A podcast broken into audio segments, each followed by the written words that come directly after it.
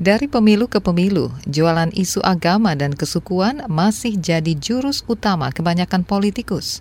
Di pemilu serentak tahun depan, Badan Pengawas Pemilu Bawaslu sampai harus mewanti-wanti adanya potensi kerawanan sosial. Soalnya, para kandidat dikhawatirkan bakal saling lempar retorika politik identitas demi meraih suara pemilih. Kita mengalami disintegration from within, jadi disintegrasi dari dalam. Kita sebenarnya terpecah-pecah. Secara nasional masih satu ya kan, tapi di dalam sendiri kita merasa ah, kamu orang Madura, saya orang Dayak saya menguat. Bersama peneliti demografi politik dari Lembaga Ilmu Pengetahuan Indonesia LIPI, Riwanto Tirto Sudarmo. Anda sedang mendengarkan Sains Sekitar Kita. Sains Sekitar Kita. Produksi KBR dan The Conversation Indonesia. Dari Sabang sampai Merauke, bukanlah sekadar satu geographical entity. Ia adalah merupakan satu kesatuan kebangsaan. Jauh sebelum hiruk pikuk politik hari ini, para pendiri bangsa sudah menyadari luasnya keberagaman kita. Lewat proses yang panjang, 1340 suku bangsa mau melebur dalam satu identitas kewarganegaraan Indonesia. Lahirlah Bhinneka Tunggal Ika, Persatuan Nasional jadi tujuan bersama tapi tetap mengakui keberagaman di dalamnya. Zaman Soekarno adalah zaman yang sebenarnya sangat menarik karena sukuisme tidak pernah menjadi persoalan. Juga agama juga sebenarnya relatif tidak menjadi persoalan. Dan dia percaya bahwa kita harus membangun persatuan nasional. Dan kalau Anda ingat, dia menulis tahun 26 sudah menulis tentang Islamisme, Islamisme, komunisme, dan nasionalisme. Jadi dia orang yang sangat nasionalistik.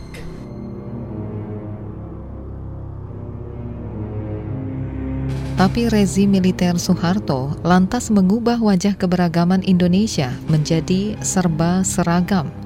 Bicara tentang suku bangsa langsung dicap haram karena katanya mengancam keutuhan negara. Saking takutnya, pemerintah Soeharto malah sampai menghapus pertanyaan tentang suku bangsa dalam sensus penduduk. Pada zaman Soeharto, saya kira represi terhadap pluralitas itu begitu kuat dan kita masuk ke dalam sebuah retorik pembangunan ekonomi dan juga integrasi nasional.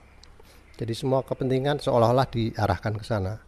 Tapi apa yang terjadi kan kita juga tahu bahwa tidak mungkin orang direpresi. Demonstrasi 98 ya kan yang berujung pada turunnya Soeharto itu kan sebenarnya ekspresi dari represi yang selama ini kita alami. Saya memutuskan untuk menyatakan berhenti Begitu sang jenderal lengser, identitas keindonesiaan dirancang ulang. Misalnya, kita sepakat menghapus istilah orang Indonesia asli dalam konstitusi. Aturan pelarangan diskriminasi ras menyusul diterbitkan. Di atas kertas, negara menjamin kemajemukan Indonesia. Jadi kita sebenarnya sudah melakukan semacam evolusi kebangsaan yang sangat menarik. Ketika kita kemudian tidak lagi sebetulnya secara secara hukum ya, secara resmi tidak mengatakan lagi ada pribumi non pribumi. Jadi semua warga negara Indonesia semua punya hak yang sama. Tapi meskipun tahu fakta keberagaman tadi, sebagian dari kita ragu-ragu menoleransi keberagaman. Coba lihat survei CSIS pada 2012. Sebanyak 33,7 persen respondennya mengaku enggan memiliki tetangga yang berbeda keyakinan. Kecenderungan intoleransi ini merata di hampir setiap tingkatan pendidikan masyarakat. Artinya, tingginya pendidikan nggak lantas bikin dia semakin toleran dengan perbedaan. Inilah batu sandungan demokrasi dalam menjaga kemajemukan. Migrasi, fokus saya kan migrasi. Itu sesuatu yang semakin penting di Indonesia anda nggak bisa melihat lagi sebuah masyarakat yang terisolasi.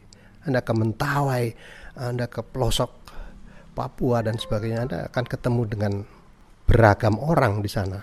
Mengklaim bahwa kami lah pemilik tunggal desa ini dan kalian orang asing semakin tidak relevan menurut saya. Tapi apa masalah intoleransi ini hanya karena kurangnya rasa saling pengertian?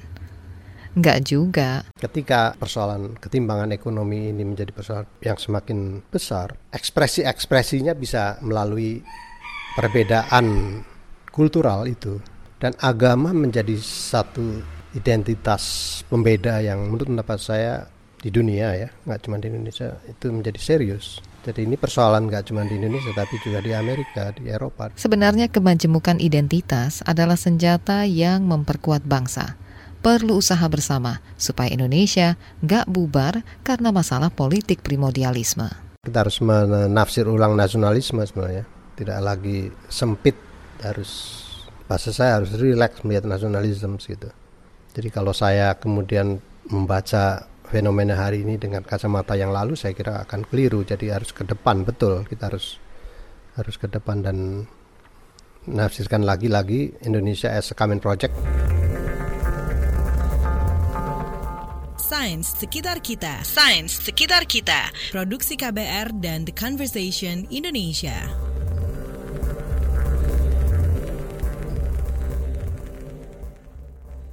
Temukan lebih banyak artikel menarik lainnya seputar sains di laman theconversation.com.